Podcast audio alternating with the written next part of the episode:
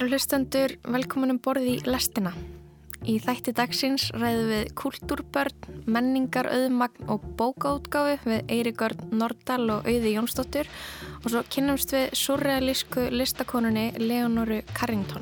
Það er eitthvað hressandi við þessa barnslegu trú á eigin orðum eins og til dæmis að segja að hamingjan eigi ekkert skilt við aldurinn, að hún sé ekki bara fyrir hinn ungu eða eins og þegar Mariann segir um sig sjálfa Engum geti leiðst með mér, ég hef of mikla sál. Maður getur verið stabiliseraður höfundur og samt um bókajól og það kemur ekki eitt ómur eða viðtal, þú veist það bara hittist þannig á. Svo eru önnur þegar maður veður í viðtölum og einhverju, þú veist þetta er líka svolítið bara hver verðtíð einhvern veginn fyrir sig þegar maður tekur þetta í íslenska samenginu.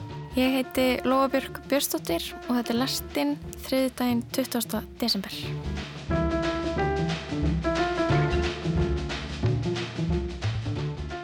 Ætlum að byrja þátt dagsins á menningarumræðum sem hafa farið fram á netinu í vikunni. Þetta eru umræður um bókaútgáfu, aðgengi, bókablað stundarinnar og kultúrbörn. Við ætlum að færa þessar umræður úr netheimum og hingað inn í hljóðveri eftirleitinu.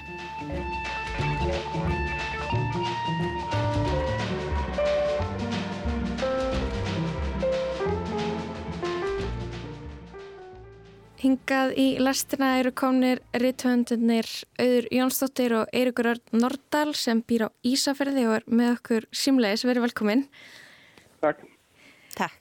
Ég bauði ykkur hingað í lastina til þess að ræða áfram mál sem hefur verið til umræði á netinu, á bloggi og Facebook og ég ætla að fara yfir það fyrir hlustendur. Í vikunni byrti Berglind Ósk rithöndur færslu á blogginu sínu jólabókaflóða kvíði og kísur þar sem hún lýsir upplöfun sinni af jólabókaflóðinu sem nýri töndur og þetta er hennar fyrsta alvöru jólabókaflóð segir hún og bókin hennar breytt ástand er smásagnasapn það sem hún svona velta fyrir sér hver fær byrtingu og umfjöllun í þessu jólabókaflóði sem er mikilvægstu tíminn fyrir rithönda, allir vilja koma bókin sín að, fá bókadóma, viðtöl, ríni og, og pláss í menningaþáttum. Hún talar um erindisett sem rithöndur og hún sagt, kemur ekki af, af menninga og listafólki heldur er verkalisbarn og svo vísar hún í grein á Guardian sem að fjallar um að rithöndum úr, úr verkalistjætt fari ört fækandi. Hlaðins að lesa beint upp úr blogginu. Þetta blasti svo augljóslega við þegar ég las síðasta bókablað stundarinnar. Það var einhvern veginn ekki einu svona verið að reyna að þela þetta. Í fyrsta lægi er mjög skrítið að rithöndar og að rithöndur rittstýri bókablaðinu en svo sem mjög íslenskt. Auður Jóns rittstýrir, badnabann Halldórs Lagsnes og svo telur hún upp aðila sem fá umfjöllin í blaðinu, Haldur teiknari og Berglind spyr sig hvort það spila eitthvað inn í að Haldur sé besti vinur, fyrirvrandi hennar auðar og svo Kamila Einas sem gefur pappa sínum einari kára pláss í bókakóttelum sínum og rósað aðal fyrirmynd sinni í lífinu henni auði í peislinu sínum og svo er hitt viðtali í blaðinu við Ragnar Helga og Kjartanar Ólafsson um minningu fóreldra þeirra sem voru bókaútgefundur og þetta er fallegt viðtal við fólk sem er fætt inn í geiran og þarf alltaf að minnast á að auður og Kamila eru mjög ábrandi í bókmöntum og verðast auðvöldlega fá tillefningar og tækifæri. Auður, þú varst búin að svara þessu á blogginu hennar Berglindar og ræða þetta aðeins á Facebook. Eirikur, þú laðir sömulegis orði belg á blogginu þínu. Mm -hmm. Ef við byrjum á þér, Auður, kanntu illa við þetta? Finnst þér, finnst þér ekki hafa notið forréttinda hafandi fæðist inn í menningafjölskyldu og verandi barnabarn Nobel-skálds? Ef við bara byrjum þar. Nei, kann ekki illa við þetta. Ég kann illa við þetta þá hefði ég ekki sérað þess á Facebook. Þannig að ég er með 4500 held í fylgjendur talandu um menningarauðmagn á Facebook. Þannig ég sett blasta þessu út mm -hmm. og ég held að, sko mér finnst svona umræða mjög áhugaverð um menningarauðmagn og fyrsti pistillin í þessu bladi var einmitt um menningarauðmagn og mér langaði, og það er líka bara hugsunin um þetta blad svona svolítið aðeins að reyna að lýsa upp hennan heim, hennan bóka heim sem er. Mm -hmm. En svo er það líka að vera meðvitaður um, sko, maður er alltaf meðvitaður um forrættindi annara og menningarumræða vekur oft hérna, áhugaverða spurningar og ég til dæmis spurði mig hvað er meira relevant í dag sem höfundur Steina Bræi, kærasti hennar eða afi minn, Haldur Lagsnes sem var svolítið svona síðustu aldar maður mm -hmm. hún sko talar svolítið eins og hún hafi enga aðstöðu engan aðgang að neinu Mér skilst að hún hafi verið í reytlist eða reytlist. Hún er að gefa bók út hjá forlægi. Hún er að hafa, hafa byrjað að gera dóm um bókinennar í þetta blað áður en ég vissi af þessu bloggi. Sá dómur er að koma morgun. Mér skildist að hún hafi fengið jafn marga dóma og Ólafur Jóhann. Er því í dag þegar ég var að ræða um þetta. Kærastinn hennar er maður sem er eitt bara mest cool, þú veist, höfundurinn á landinu þess að hún hefur greiðan aðganga kreðsum og lingói væntanlega ég með smá kvefið að lúna verk. Að þessu sögðu þá, þá vil ég bara setja það, það er líka samhengi, ég ætla ekki að þræta fyrir forréttindi mín að þetta er afi minn, en það hefur líka verið nota gegn mér sem ég byrjaði að skrifa 24 ára. Allt sem ég ger, þetta kemur alltaf upp. E, sko, annað, það að vera réttumundur er rosalegt hark. Mm. Ég er búin að vinna við þetta í 25 ár. Til þess að geta verið réttumundur hef ég þurft að vinna sem bladamæð líka. Veist, og maður áhald að tímabili sem maður dettur út, maður fær ekki umfjöllun eða maður fær rosa umfjöllun eða maður fær harða umfjöllun eða maður fær ekkert að gera eða maður á ekki fyrir mat í einhvern tíma en maður heldar áfram að vera reythundur. Að halda þetta út er ekki með ættirni mitt að gera. Hins vegar held ég að ég hef mjög ung vita eða bara svona fundist það sjálfsagt að fara að skrifa og fundist sjálfsagt að fara til forlegjara. Já, byrju ég held að síminn sé að ringja. Já, yfir, þú varst að segja. Ég var að segja það að þegar ég er ung þá finnst mér bara eðlegt að skrifa. Þannig að það er minn menningalegi bakgrunnur og, og eins og Berglindrós Magnúsdóttir vingurum mín sem er svona félagsfræðigreinindi sæða því ég, ég var oft pælt í menningarauði með henni. Þá er þetta líka bara að finna sjálfsagt að fara í forlag og byggjum að vera gefin út. Og öruglega mér alveg upp með bókum og það er þetta lingo. En hins vegar held ég, þú veist, ég hef unnið eins og ég segi sem bladamæður í og með eða bara sen ég er mjög ung. Það er mjög ólíkir ólíka nálganir og þetta blað það er gert sko til að sína að það sé hægt að gera eitthvað þú veist meirin bara byrsta dóma og það er bara til þess að opna þennan heim fyrir almenningi en alla greinirnar í blaðinu eru hugsaðar til einhvern veginn ná að fanga breytingar eða fanga söguna eða fanga, þú veist, þetta er ekki persónli viðtöl við höfunda um líf þar og starf. Heldur er þetta til að reyna að sjá þróun glæpasögunar eða e, breyttar aðstæður í útgafu eða hvernig Arnaldur var til eða hver er nútímin í bókaútgafu. Mm -hmm. Þannig að svona forréttindi þín, þið finnst það líka hafa unni gegn þér, er þetta að segja það? Það er sérstaklega ég var yngra því það var mjög mikið hæðst af mér út af, út af ættirni. Eirikur, hvað hafðir þú við þessi skrif Berglindar að bæta? Þú varst að tala um kultúrbörna á blogginu þínu. Ég hérna náttúrulega bara, uh, hvað segir mér, það er svona er að svona í mig bara vegna þess að ég kom náttúrulega sjálfur svona svolítið utan að inn í hennan heim. Og hérna, sko, með meðal annars, sko, í vittalega þá held ég að það er svona algjörlega bara 100% að það sé allt annað að koma inn í íslenska bókmyndir sem Berglind Ósk eða sem Öður Jónsdóttir. Og það hefur ekki að gera með, þú veist, þú veist, kærastinn hennar er steinabræði í dag en hún er ekki að koma inn þar, sko. Hún er ekki að koma, hún er ekki, hún er ekki 15 ára alast upp sem Nobelskjálfsins og maður átt að segja alveg á því að þetta er einhvern konar tilfinninguleg bakki en það er ekki, hérna, það er ekki, það nullar ekkit út og forhjöldindin sem það fylgir í að geta bara gengið inn á forlag og finnast það bara fullkomlega sjálfsagt. Er það að segja, Eiríkur, að ég hafi bara fengið gefið út af því að þetta hefur afið menni, ég get ekki skrifa. Er, er það sem þú ert að segja? Nei, en ég minna alveg... Býtu, býtu, jú, því þú ert að segja það. Þú segir auðvitað bara gengið inn á bókaforla og fengið gefið út og það er það út af afa mínum. Ég, sagði ekki að það geti gengið inn á forla og fundist alveg sjálfsett. Og það er allt annað. Er, sem... Ég held að fólki, ég held að fólki sé og ég menn ég hef bara alveg séð það og fólki er öðruvísi tekið. Það er bara, skilu, það er, það er líka spurningum það, sko, þú veist bara hvern nú þekkir og hvern ertu búin að þekkja til dæmis alla æfi.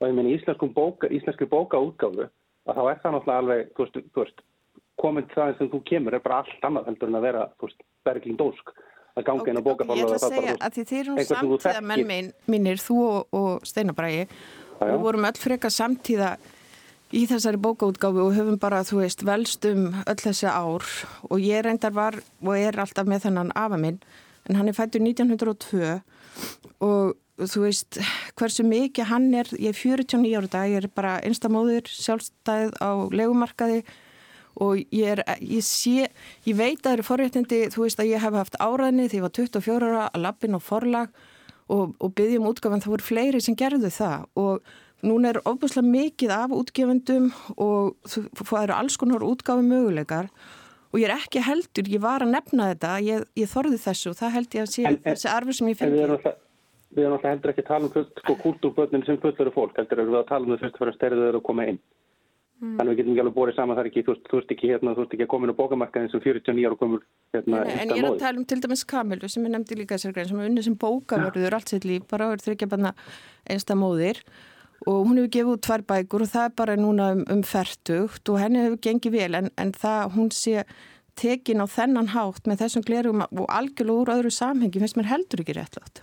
Nei, en hún er alltaf til dæfi, sko, þú veist, hefur talað um það sjálf þegar hún er, sagt, hérna, hvar var ég að lesa það bara, núna, hérna, mjög nýla þegar, þegar hún er að lýsa því hvernig hún kemur í íslenska bókmyndir, þá væri hún símtal frá Bjarti.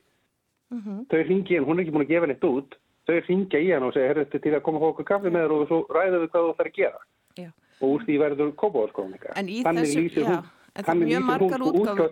útgáfu ferlinu. En það eru mjög það er margir sem það er spreita sig við útgáfu og, og En það er hérna... ekki mjög mikið að fólki sem fær svona símtöl. segja. Nei, nei, ég er alveg Það er mjög fátt það. fólk sem fær svona símtöl. Flest fólk þarf bara að koma mörgum sinnum og senda, þú veist, áður en að nokkur opnar umsleðu lítur í það, sko. Já, og Það sem að mætti breytast og ég bara er heldur ekki að gera lítið úr því. En svo er það líka bara með tilkomin netsins og eitthvað forlega leita líka aðskiluru bókum til að bú til eða þau sjá einhvern og auðvitað alltaf að en eina Kárusson var sjálfur bara í blöðunum, til dæmis pappi hennar að segja að hann hefði ekki fengið nægur ítlaun eða það verið gengið fram hjá sér. Hann, þú veist, uh, til dæmis að vera eitt efna að hann hefði verið bókakott til vikun og það fannst mér verið domgröndu brestur hjá mér en hann fær til dæmis ekki dóm í blaðinu að því að Kamil er að skrifi það. Og hérna, og eina, þú veist ég bara fór hratt í gegnum hausina með bara, að, gegnum íslenska söguhetjur að því var bara komið svo blaði prentun. Og það var domgrætibrestur að, að þú veist, það veri hann þarna saman, en á sama tíma eins og ég segja, hann er ekki að fá dóm, þessi kona fær dóm í næsta blaði og það var þegar í bígerð Já, já, þetta er náttúrulega alltaf rosa mikið sko samgöð, þetta er náttúrulega, þú veist, þetta er náttúrulega, í grunninn er þetta náttúrulega ekki bara nepotism, þetta er bara einfaldur klíkuskapur, þetta er spurningum sko hverjir eru viniðinir og, og, og, og það saman, henni funkar er íslensk menn, og það er líka þess vegna sem ég held að bergum tiltækið að henni finnist skrítið yfir höfuð að það sé réttöfundur og réttstýra þessu blæði. Og það hefur verið talað um það, sko, þú veist, bæði ofinberlega og í, í, í bakherrbyrgjum og hlutir sko, Sverri Norrlandi, hérna, réttirina í kiljunni eða stýra hérna, podcasti forlagsins eða þú veist, hérna, þú veist, menna, ég vil bara Eiríkur Guðmundsson að, þú veist, hérna stýra viðsjá í allir þessi ára. Sko ég er alveg Það- sammála þessum pælingum og ég hef reyndar bara talað um þar og það vanti gagsægi í menningarumfjöldun og menningarumfjöldun í svona litlu samfélagi sem allir þekkjast og hún er bara greiðilega flókin og yfirleitt er það að þeir sem einhvern veginn hafa einsinn í fæi, þeir og einna, bara mjög mikla líkur að þeir tengist einhvern veginn félagslega.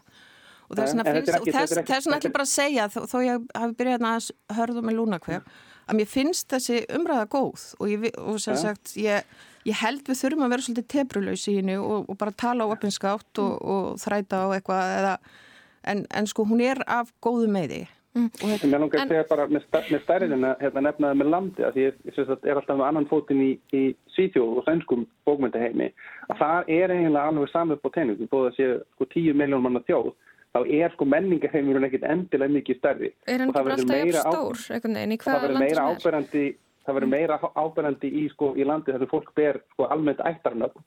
Sem þetta að, hérna, að hvað þau ganga aftur. Hvaða eru bara svona viss ættarnöfn sjá um menninguna og viss ættarnöfn sjá bara alls ekki um menninguna. Það sjá bara um hvað pípulagnir og eitthvað.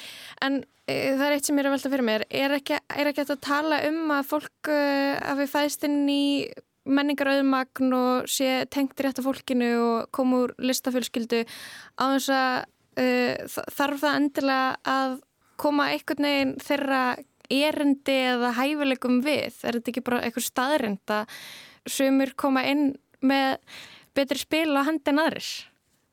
Hefur það eitthvað að gera með hæfileika eða erindi nokkurs? ég held sko að það Er, er okkur að við fengja það? Að, Nei, ég, ég sem eru þetta kannski að það er meiri líkur á kannski mitt að þú hefur fengið eitthvað aðgengi að, lingói eða einmitt þetta bara sjálfsörgi eða svona finnast þú eiga erindi einhvert og bara taka þér eitthvað plás og, og það er eitthvað sem er, eru forréttindi. En forréttindi liggja víða og, og á alls konar hérna hátt og, en þú veit líka um fullt af, af hérna kultúrbönnum sem að hafa ekki komist áfram eða jafnvel sískinir en ekki þau, þú veist, eða þannig að það maður heldur ekki snúa því þannig að þú sést einhvers konar svindlari ef þú ert átt ættingja sem er frægur listamæður mm -hmm. að því það er svolítið tónin í þessu. Mm -hmm. eins og, eins og sko, Mín, en, en ef það er einhver að segja það? Þú varst á þann að segja bara þú fóst, erindi, þú fóst sjálfur í forlega mjög ungur eirikur Já, já, ég var búin að, hérna, ég fór inn og var að dýða og, hérna, og, og, og gera alls konar og vakti mjög erfitt með að fá handréttum í lesið. Það tók alveg svolítið tíma. En hvað varst það hérna, gammal? Þegar ég kom inn á forlag, uh -huh. uh, 26 ára. Uh -huh. Eirikur, hvernig, þú veist, lýsir þessi... Og ég gerði það, ger það algjörlega vel að merkja í gegnum klíkurskap. Ég kynntist fólki, og eins og ég nefndi á blogginu mínu, þegar ég kom söður, þá náði ég að kynast fólki sem átti sko alls konar þjóðskáld fyrir fóreldra og og þú veist, hérna, einn vinnu minn vann við, við, við, hérna, við umbrót á, á, á reyðstjóð máls og menningar. Þú veist, þannig, þú veist, komst ég í kenni við Kristján B. sem ég fekk síðan til að lesa handrættið mitt 12 ára setna. Mm. Veist, þetta er, þetta er, veist, þetta eru leiðunar sem maður segir, þetta er einu færi leiðunar. En ég finnst til dæmis langsótt, þú veist, Haldur Baldursson var í viðtali og, og Berglind segir að þetta sé vinur, fyrirverðandi maðursinsmi sem ég skildi við fyrir fimm árum.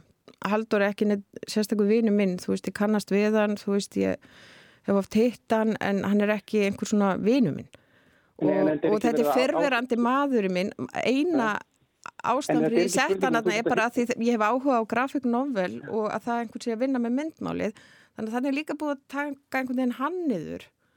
Og eins og ég segi þetta erindið með þessu bladi er ekki að vera að taka einhvern svona persónum teik og höfunda heldur til að sína bara ólík form og þróun og breytingar og En þetta snýst ekki auðvitað heldur um það að þú setja að hyggla fólki sem sé vinir þínir viljandi. Það er engin ásaka... Nei, ég veit það og ég, ég ger mér algjörlega grein fyrir. Um hverjir eru meira á rata sem hjá þeirra næður? Og það er fólk sem þú kannast við og sem þú þekkir í gegnum tengslandið. Ég þekki Natasja ekkert, hún er frá Rúslandi.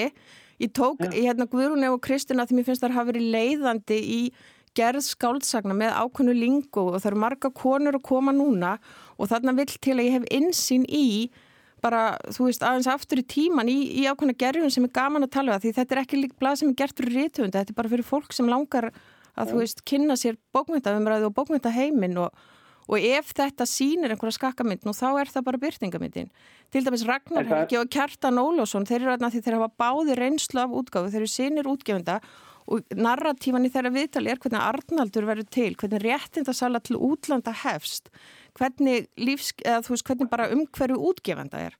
En þetta er náttúrulega alltaf spurning með svona, sko, þegar þú ert að ræða svona fórhættindi, að þá getur þau samt ekki, sagt, sko, setta þau þannig að þeir séu, þeir sem eru, sko, þú veist, ef við tökum, að, tökum bara 2000-öldina, tökum bara, mm. þú veist, sérstaklega fyrirluta 2000-öldina og horfum að það eru hvað, þú veist, 80-90% allra útgefina höfunda sem eru teknir alvarlega eru karlmenn. Mm -hmm það er ekki, það er ekki, sko, það setur ekkit út af verk þegar einstaklega eða gerir þau sko ómerkilegri, þau verk sem voru skrifuð. En bara talandum kalla, þá fannst mér líka bara... Hér sé skekkja, má ég klára það? Að þarna sé skekkja. Að það sé ekki, við erum, við erum ekki að segja að þess að, hérna, þú veist, Tropic of Cancer sé hræðileg bók Hérna, mm. veist, með, með því að benda það það hefði kannski mátt líka gefa út svolítið af bókum eftir konu, þetta hefði kannski mátt vera jafnari skipning. En til dæmis þetta... Þetta sjálfkrafa... Já, já, en einmitt að fara út fyrir bók, svo þetta blogg, Gunnar Berglindar, hún er í stórun litur þessu bloggi að tala um hún, þú veist, um Steinabraga, Steinabragi er yfirlesarin hennar, henni finnst hann frábær og, og, og mikill snillingur og þú veist, það er líka þetta, þessi kallsnillingur sem kemur að það og, og þú veist, hann er líka að fara að fá dómi í þessu næsta bladi ég, hérna, og þetta sé verið að ganga einhvern veginn, ég veit ekki, fram hjá þeim sem ég skil ekki að því svona blad dómatinni ráðast mjög lítið ristur það er hvað bækur bara gaggrindin hafa áhuga á hvað bækur komast inn í umbrot að þessi deiling á, á forlög, tegundir bóka þú veist, þannig að Þetta er líka Jú, bara svolítið svona paranója heim í stofu. Ég hef alveg sjálf verið með fyrirvænandi mannum mínum upp í reysi í útlöndum og finnist allir vera í samsæri gegn okkur en það virkar ekki alveg þannig. Aðbyrði sjúkdómur að finnast maður hundsaður sko. Mm -hmm. Það er alltaf verður alveg að taka það, það með í reikningi. Mm -hmm. hérna. Eiríkur, má, má ég spyrja það einu? Uh, út af því að við höfum talað mikið um í, í þessu samingi um tala um karlmenn og fyrirmyndir að hvernig karlmenn eiga auðveldra með að sjá sig í ákveðnum störfum, ákveðnum stöðum mm -hmm. að finnast þeir eiga erendi og með að taka plás Og, og, og svo erum við núna að reyna að tala um það eins og samhengi að vera kúltúrbart, svo við höldum áfram að nota það orð, að vera úr menningar og listafélskildu. Þér finnst þú mega stíga inn og taka plás og eiga erindi uh, þú veist, það hefur upplifað óryggi og eitthvað svona lottarlíðan bara hafandi ekki sér tengsl, verandi ekki úr lista og menningafélskildi og sko, það, er, það fylgir því rosalega mikil einmitt lottarlíðan og, og bara svona veist, minnum átt að kjent að koma inn í hann heim ég, ég listi það rosalega mikil bara með því að vera hlokafullur og reyður og hérna, bara gæsta á alla áður en er hérna, yrstu á mig og gerði það bara í mörg ár hérna, og hagaði mig bara ekki sérstaklega vel. Uh, hvort ég hefði gert það að ég hefði verið kona, það bara, ég átta ekki alveg á því. Sko. Nei, kannski er þetta svona. Hérna, ég, ég, held, veist, ég, ég held að hafi verið færri konur sem komu inn þannig. Það er bara alveg eins og er, sko. En sko ég, að því, að því ég er búin að vera hérna pínu harður, þá vil ég líka segja að þetta, það er held ég, ég held að útgafa sé aðeins að breytast, það eru uh, það eru að koma nýjir vettfangar til að gefa út.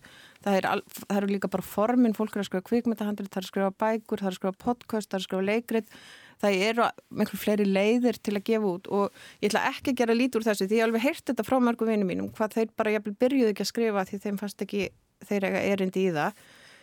Og þannig að þetta er bara einmitt að því góða og vonandi að opna svona umræða bara fyrir það að hrista þetta úr fólki.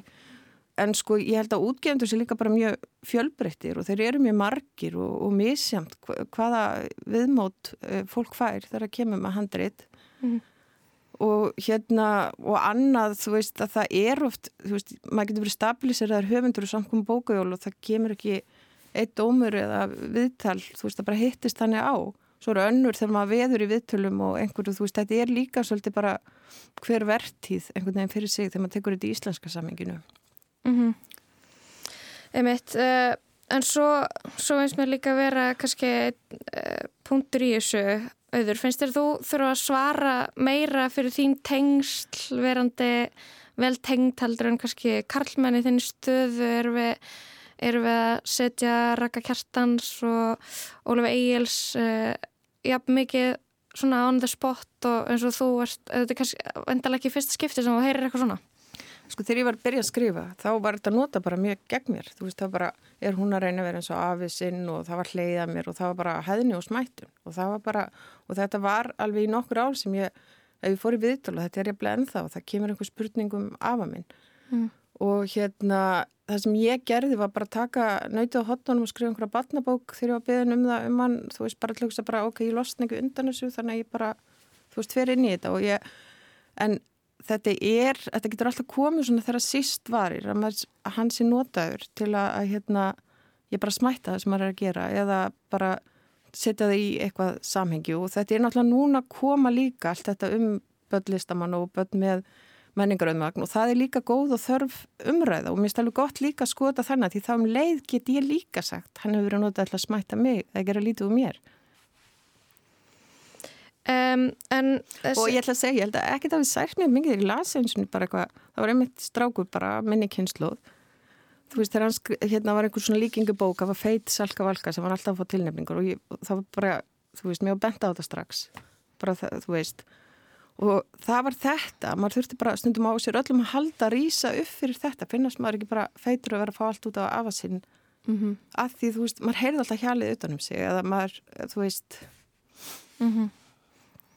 veit uh, en sko út af því að talar eins og um að, þú veist líka bara einsta móður á leikumarkaði uh, það er samt þessi hugmyndum fátaka listamannin sem einhvern veginn er í bastli uh, en er það ekki er það ekki svona ákveðin forrættindi að þarna að vera listamæður, að fólk kaupi bækunum hans og lesi þær og fara á leikritum hans og þú veist, er, er listafólk raunverulega fornalamp þó að það hafi kannski ekki aðganga peningum? Nei, það er nefnilega ekki fornalamp og þess vegna er ég líka móti ef þú ætlar að fara með fornalamps attitút inn í þetta, þá bara verður að hætta strax því það það að bara vera starfandi listamæður kostar það að þú þart að þóla hefnunni vel og hól og þú þart að þóla mjög mikið óöryggi og þú þart að hérna bara lifa við það að þú getur fengið mjög harða kritika á þig eða, eða bara verið ekki hort á þig en á móti kemur þetta rosalega forréttindi því þú ert að vinna við það sem þú vilt þú ert með risa rats við þú hefur þarna tæki til að umbylta veruleikanum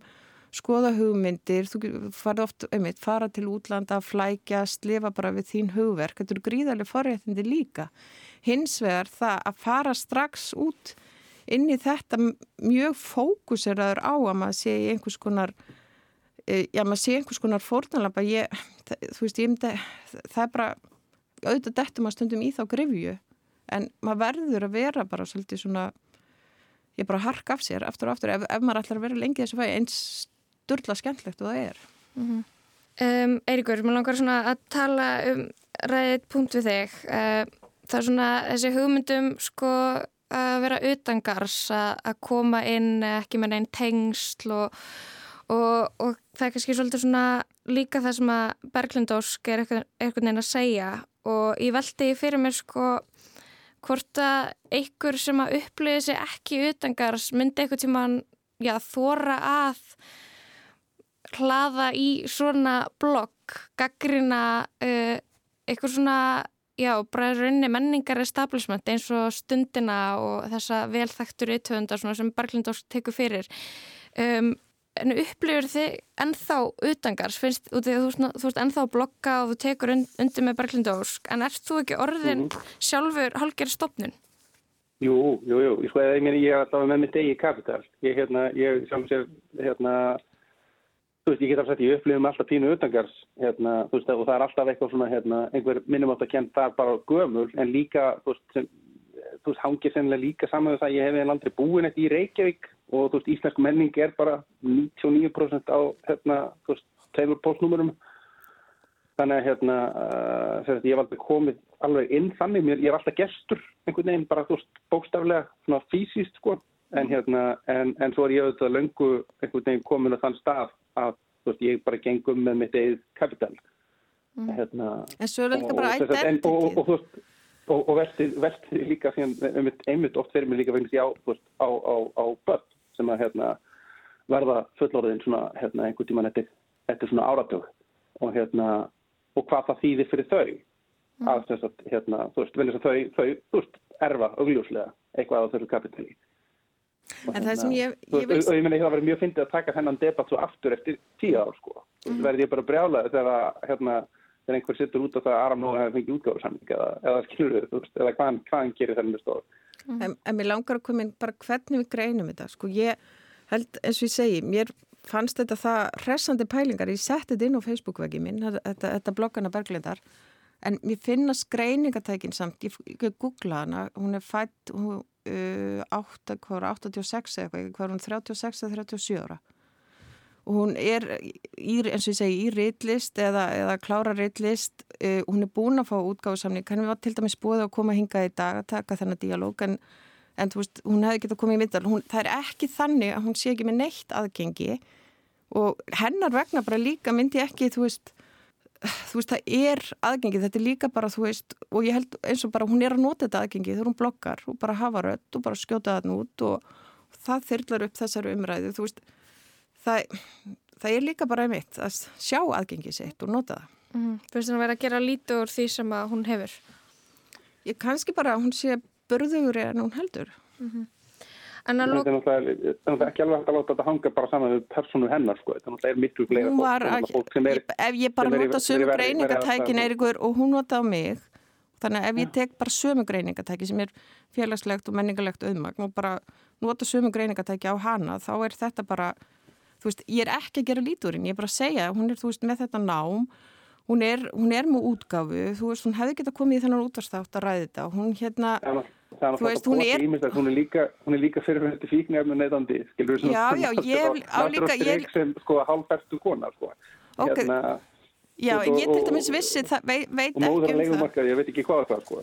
Já, ég er líka móður legumarkað og ég er með flogaveiki og ég hef lifað með ofbeldi í æsku og ég, þú veist, maður getur endalist líka tekið þetta rænt, en það er líka bara að nota röttinu sín að vera út, hún er að því núna, við erum að tala um þetta og þetta er áhugavert en... Hún er að taka plás, það er ágætt. Mm. Ok, svona lókum þá langar maður ekki að spyrja ykkur hvernig, hvernig getið sé fyrir ykkur þetta breytist eh, hvernig já, verður þessi heimur opnari, er ykkur möguleiki á því, eru þið sjálfa að reyna að mynda tengslu fólk sem að kemur ekki úr sumu kreðsm og þið er ekki úr sumu fjölskyldum, eru þið, eru þið svona virt að leita einhverjum nýjum röttum sem að ykkur finnst forvétnilegar? Ég, ég er voða mikið bara að reyna að rotta upp saman við hérna, svona lokal hérna, höfunda, einlega, einlega bara búa til nýja kreðsu, held ég, held ég að það sé einhver eina eina leðin til að díla við þetta. En ég held að þetta verður, aldrei, þetta verður alltaf svona. Ég held að þetta breytist aldrei neitt sko. Mm. Það verður alltaf klíka og alltaf nepotismi. Mm. En þú eður, hvað segir þú? Ég meðist bara allt spennandi sem einhvern veginn flýtur til mín og, og bara útrúlega gaman að sjá nýja rattir og nýja hönd og það er líka bara eins og þú veist það er líka bara komið langu tíma á að, að pælingar sem þessar sé að fá svið í menningarumræðu. Þetta er alveg menningarumræða og, og líka bara að það verði einhver kveikja í það og að það væri pláss emitt í fjölmjölum fyrir það. Eins og ég segi einhvern veginn er þannig í, og það er alveg satt hjá þeim að ég, e, þú veist þekki marga í, í akkurat þessu mengi og e, samfélagi. En þú veist það líka kannski gefur manni líka svona að maður brey, finnst manni sjá breytingar og líka bara tímin og þegar maður horfur yfir þetta allt. Og Eiríkur er náttúrulega þú veist hann er jafnaldri minn nokknu veginn og hann er búin að fylgjast með honum aftur í tíman eins og mjög mörgum og maður, maður er að horfa alltaf á með breyttan útgafu heim og breytt bókmæntalandsla og miklu meiri alþjóða áhrif og miklu meiri útgefundur og ólík form og þannig að breytingarnir er ekki bara í þessu hvernig við skoðum menningarlegan bakgrunn heldur líka bara er svo mikið að breytast bara í tekni og formum og mm. aðgengi og... Þannig þið finnst þið að meira aðgengi heldur en kannski hefur verið áður að? Það er það, þú getur farið, þú getur valið fleiri, þú getur farið í svona halgjara sjálfsútgáð, þú getur fengið engreisli hjá Storytel, þú getur, þú veist, það er miklu fleiri útgefundur að velja, þú veist, fara og tala við, mm. e, það er hérna fleiri, miklu fleiri miðlar, þú veist, þú viltu skrifa kvikmyndahandrið, sjómarstætti, podcast, hvað, þú veist, hvernig sem hún fer að því, hvort sem hún lærir það eða mm. vin, reynir að vinna þið inn í það. En, svo, er það líka, svo er það líka með list að það, þú veist, maður helst ekki lengi í henni nema maður bara, þú veist, þóli ekki mikið á höfnun og hafi ekki mikið ástriðu. En þessu fylgjandi er náttúrulega líka það að þau mun sko meiri útgafa á fleiri fórum og, og, hérna, og, og meira gerast og fólk að skrifa og út um allt einhvern veginn. En því fylgjir náttúrulega bara, þú veist, treysasunum harðari samkeppni um aðbyggina. Já, mm, einmitt. Það sem er til umræð er kannski ekki að, að fólk get ekki gefið út heldur hvort það fái pláss eða fólk síniði áhuga já, er það kannski svona starra vandamál? Ég held að það sé algjörlega, algjörlega spurningin allavega. Það er ekki heldur en það bara hvort þú getur komið bóki hendur það. Er, það er ekkert mál. Það er líka annað, fyrir ekki sjálf að grípa fram en það er líka annað bara eins og samfélagsmiðlarnir. Þeir hafa vægi núna bara hvort bók getur lifað að dáið, þú hefur þá sem tæki til að koma þér e, líka, þú veist, ég er ekki að segja að fára það strax en þannig er tæki sem var ekki og þeir, það er þáka líka stundulegin inn í fjölmiðla eða, eða hérna og allt bara sem fylgir netunu og, og hérna það sem ég finnst forvittnilegt við bókaheimi núna er bara að það er að verða rosalega mikla breytingar og ólíkar forsendur mm -hmm. Við verðum líka að horfa á hérna, eitt sem er kannski ákveðt að nefna hérna, hérna stöldlega er að við verðum líka að horfa á það þarf að koma inn á, inn á þennan marka er að koma höfundar sem eru sko, sko jæðræðir á, á annan máta heldur um við þeim þekkt hinga til. Svo, sko, höfundar sem eru sem búa í Íslandi, starfa í Íslandi hérna, en skrifa á öðru tungumáli Helen Kova sem hérna, skrifa á spænsku og þýðir yfir íslensku gefur hennu bara út á Íslandi hún er ekki gjaldgengin einn vellaun en eina sjóði en okkur skapaðan hlut. Vegna að hún skrifar ekki, hún frumskrifar ekki á íslensku. Hann talar um, hún, hún gæti sennilega gert það alveg svona bærilega allavega en það væri alltaf svona pínu, þú veist, pínu vandræði alltaf betra fyrir henn að fá þýðanda. Og þá lendur henni því að vera svona algjörlega auðvengar og við erum alltaf með, veist, með fleiri og fleiri starfandi höfunda af Erlendubergi brotnir sem að, hérna, sem að, sem að búa hérna en eiga ekkert aðgengi af og sko, þessum, þessum stopnunum sem við höfum búið til að halda, til að hlúa af bókmyndum. Mm -hmm, einmitt. Já, en, en, en meira jáðsettir heldur en, já, það, það sem við erum búin að vera að tala um í dag. Þessu getur líka verið að tala um jáðsetningar í formum, þú veist, að til dæmis, ein, það er eitthvað svona batnabokahöfundar og bara er, en bara er jáðasettari hópur heldur en skálsagnahöfundanir eða glæpasagnahöfundanir fyrir nokkrum árum voru svona skrítin jáðarhópur, eða þú veist, þetta er þetta er líka bara formin, þetta er, þetta er líka hvernig höfundur þú ert, hvað þú ert að gera, þú veist, það er, já, þú veist, þetta er bara... Og margt sem spilar inn Og í. já, svo líka sem produsér, það bara stóru höfundar sem eru með rosa lestur, svo bara týnast þeir og allir hægt að kaupa það og þetta, þú veist, sér maður að gerast aftur og aftur og þú veist, hvað einhverju nýju, svo koma þeir kannski aftur, þú veist, þetta er alltaf rosalega reyfing á þessu öllu. Ég veit, þakka ykkur báðum fyrir komuna í lestina í dag, Auður og Eirikur Örn. Takk fyrir komuna. Hvað þér?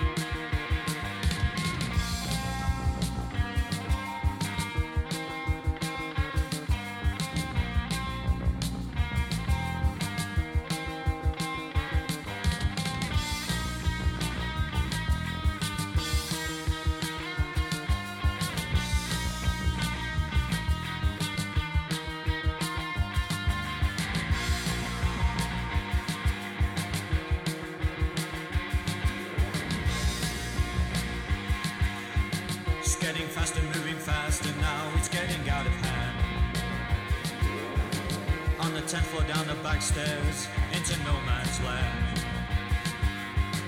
Lights are flashing, cars are crashing, getting frequent now. I've got the spirit, lose the feeling, let it out somehow.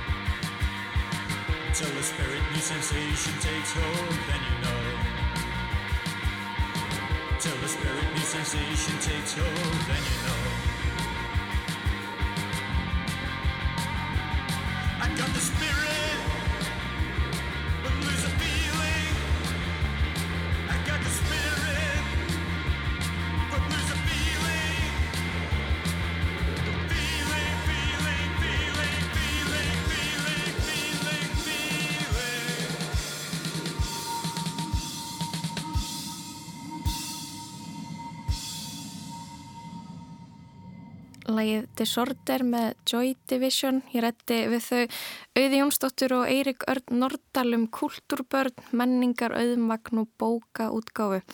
Umræðir sem að kviknuði í kjölfar bloggfærslu Berglindar Óskar Ritvöndar. En við ætlum að halda áfram í bókmöntunum og það er hún Ástís Sól Ágústóttir sem að segir frá Leonóru Carrington og surrealískri skáldsögu hennar The Hearing Trumpet.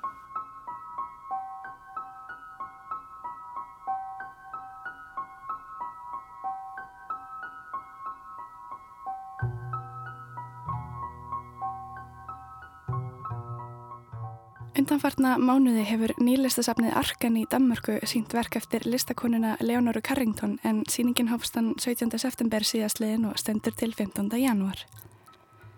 Mér vitandi er þetta fyrsta síning á svona stórum skala í allri Skandinavíu undanfarin ár sem tilenguð er líki listamanni úr surrealísku hefðinni en hugarheimur Carrington er í senn heitlandi og alltaf því hræðilegur. Þetta er ekki í fyrsta skipti sem nafn listakonunar ber á góma á þessu ári en síning Fenegar tvíaringsins í ár bara mitt heitið The Milk of Dreams eða Mjölk draumana en sátitill vísar í barnabók sem Carrington skrifaði og myndskreiti og var gefin út árið 2013, tveimur árum eftir andlátt listakonunar. Ég fór að velta fyrir mér þessari óvæntu innkomu hennar, allavega í mitt líf og vildi gerðnan vita hvað Leonora Carrington ætti skilt við samtíman og hvað hún gæti kannski verið að segja okkur. Hinn mexikoska Leonora Carrington sem fætt var í Englandi árið 1917 hefur alla tíð þótt vera óutreiknanleg og uppreysnargjörn.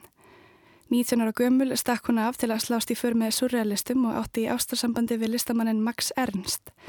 Leonora Carrington lifði hálgerðu gjörningalífi sem var æventýri líkast en það mætti að setja spurningamerki við ýmsar sögur úr hennar lífi. Eins og það að hún hafi klift hár úr höfðu næturgesta sinna, hræst það í eggjablöndu og bóðið gestum sínum upp á ommulettina daginn eftir.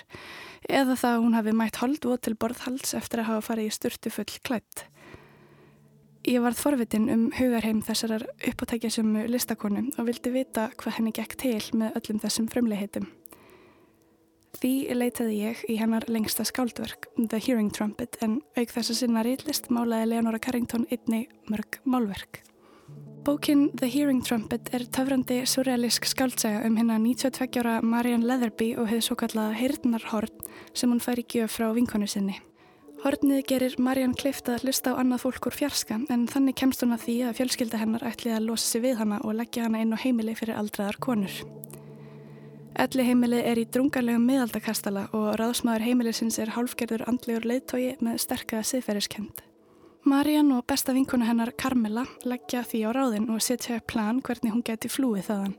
En streikar sett í reikningin þegar konurnar á elli heimilinu komast að því að starri öll eru að verki.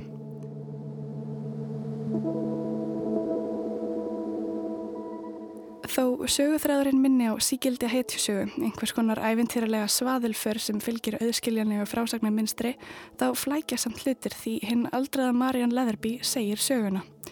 Hugmyndir hennar og hugrinningar sem á samtöl, atveik og minningar renna saman í einn stórfyrðulegan og dullrænan seðpott.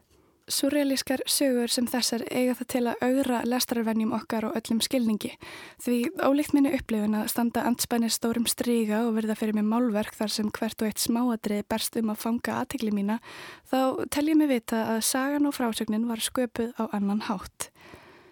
Ég hef lengi haldið að setningar og efnisgreinar, sögur og frásagnir séu þess eðlis að eitt orð komi á eftir öðru og svo koll af kolli þanga til köttur sittur á sér stýri, úti í mýri og úti er æventýri. Þannig ræðast orðin ofan á hvert annað eins og perlur á perlufesti sem strengja saman einhverja heild eða línu. Þessu fær ekkert breytt, hvorki svikulir sögumenni ílskiljanlegir atbyrðir. Orðin og orðastrengurinn geta því fáttan að gert en að leið okkur áfram þó áfangastæðurinn sé óljós. Því vil ég meina að flest lesi við til þess eins að vita hvað gerist næst. Annars verður erfitt að halda okkur við efnið. Surrealískar skaldsögur eiga þó til að ringla svolítið með hugmyndir okkar um frásögnina og bjaga eðlilega orðanótkun. Til dæmis var því nokkuð ringluð og þóri alveg að viðkenna að mér leytist verulega þegar söguhetjan Marian ákveður að lesa heilt sakfræðiritt í meðri bók en á sama tíma kom það oft skemmtilega óvart að fylgjast með óvanalegum fullirðingum personana sem stundum voru mótsagnakendar og þvert á okkar væntingar. Oft snúast þessar fullirðingar um tíman og aldurinn. Marian segir einu sinni að hún hafi lifað í 92 ár en þrátt fyrir það skilji hún raunar ekki neitt. Svo vil vinkuna hennar Carmela meina að ekki sé hægt að trista þeim sem eru undir 70 og eldri en 7 ára, nema ef þau eru kettir. Sögupersonunar tala oft með svo mikill vissu og sannfæringu, jafnvel þó viðfungsefni sé þversagnakent eða dullrænt. Það er eitthvað hressandi við þessa barnslegu trú á eigin orðum, eins og til dæmis að segja að hamingjan eigi ekkert skilt við aldurinn, að hún sé ekki bara fyrir hinn ungu, eða eins og þegar Marian segir um sig sjálfa Engum geti leiðst með mér, ég hef ofmikla sál. Þetta fullirir Marian þrátt fyrir skoðanir sinna nánustu fjölskyldu sem álítur hana ekki sem mannesku lengur. Amma þykir vartla manneskja, hún er slefandi, rótnandi kjötpóki, segir barnabarn hennar og tengdadótturinn tekur undir og vil meina að þetta aldraða fólk finni ekki til eins og við hinn og hafi engar tilfinningar. Marian er því í eflandi og æventýralegri uppreist gegn viðhorfum fjölskyldu sinnar og samfélagsinn sem skeggjaður 92 ára feministi með ríkan hugarheim og mikla lífslöngun. Það er því óhætt að segja að réttindi kvenna til lífs og leiks spili stórt hlutverki í sögunni, enda var Carrington mikil baráttu kona og eitt stopnenda kvennfrælsisreifingarinnar í Mexiko. Víða í sögunni er þetta skýrt, eins og þegar ein kvennana á elliheimilinu segir að þrátt fyrir að þær flestar hafi öðlast frelsi nokkuð seint á lífsleðinni, þá kem ekki til greina fórna því aftur. Flestar höfðu þær varið sínum dögum með stjórnsumum og ergilegum eiginmönnum og síðar með börnum sem skipuðu þeim fyrir og elskuðu þær ekki lengur. Þær voru börnunum sínum þungbyrði að bera, allir þeim mikillig skömm og þóttu allægis efni. En þrátt fyrir þetta hlutskipti í lífinu örðu þessar gömlu konur einmitt söguhetjurnar sem stóðu nokkurn veginn á hjara veraldar undir sögulokk. Umkringdar mystískum og forniskilegum skeppnum og dýrum, vofum og vætum. Það er kannski engin fyrða að erfitt var að gefa bókina út á sínum tíma. The Hearing Trumpet kom fyrst út í franskri þýðingu árið 1974 og útgáfa ennska fremtekstans fylgdi tveimur árum síðar. En margir eru þeirra skoðunar að bókin hafi verið skrifuð á sjötta eða sjönda áratögnum, þó nokkru fyrir eiginlega útgáfu. Eitt lærði ég eftir lestur bókarinnar og það var hversu gleðileg hinn barnslega trú og sennfæring getur verið. Kanski er um að gera að prófa innan skynnsemismarka að fara með vongóðar fullirðingar. Því kannski vakna ég eitt daginn með stutt grátt skegg eins og Marianne Leatherby sem að hennar sögn hefðbundnu fólki finnist kannski frekar viðbjáslegt. Þá mun ég taka hana til fyrirmyndar og segja mér finnst ég vera nokkuð galvösk.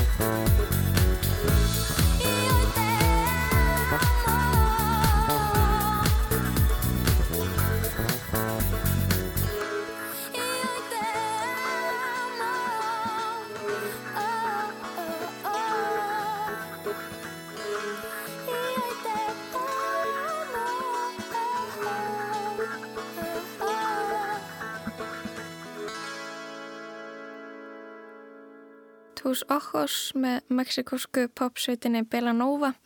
Ástís Sól Ágústóttir sagði frá surrealísku listakoninni Leonoru Carrington og bók hennar The Hearing Trumpet. En næst ætlum við að heyra tvær jólasögur.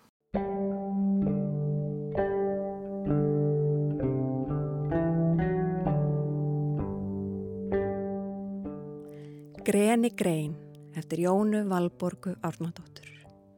Hann ætlaði aldrei að verða eins og pappans. Þess vegna fór hann í skóla og mentaði sig. Keipti íbúð og bíl, réði sig í vinnu, borgaði reikningana, gifti sig.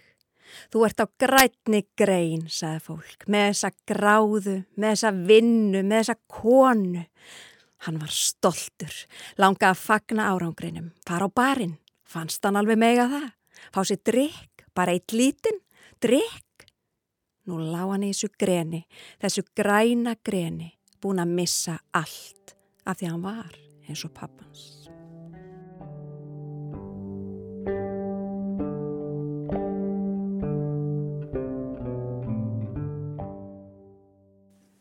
Fyrstu jólin okkar saman, eftir Guðrúnu Freiriksdóttur. Jólatriði leikur á hliðinni. Greninálar um allt gólf og jólaskraut hangir á nokkrum greinum en er aðala á víð og dreifum stofuna.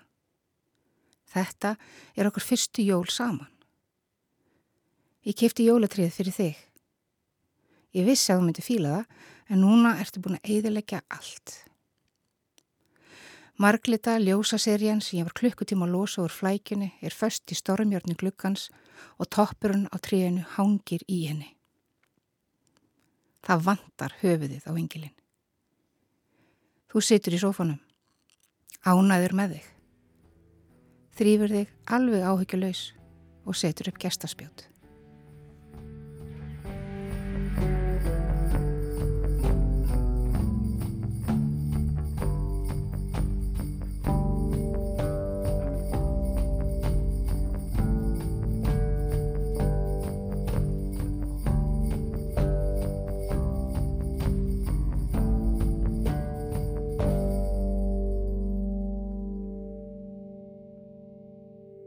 Það voru jólasögur úr uh, bókinni Greni sem Blekfélagið gefur út nefndafélag Rillistanema.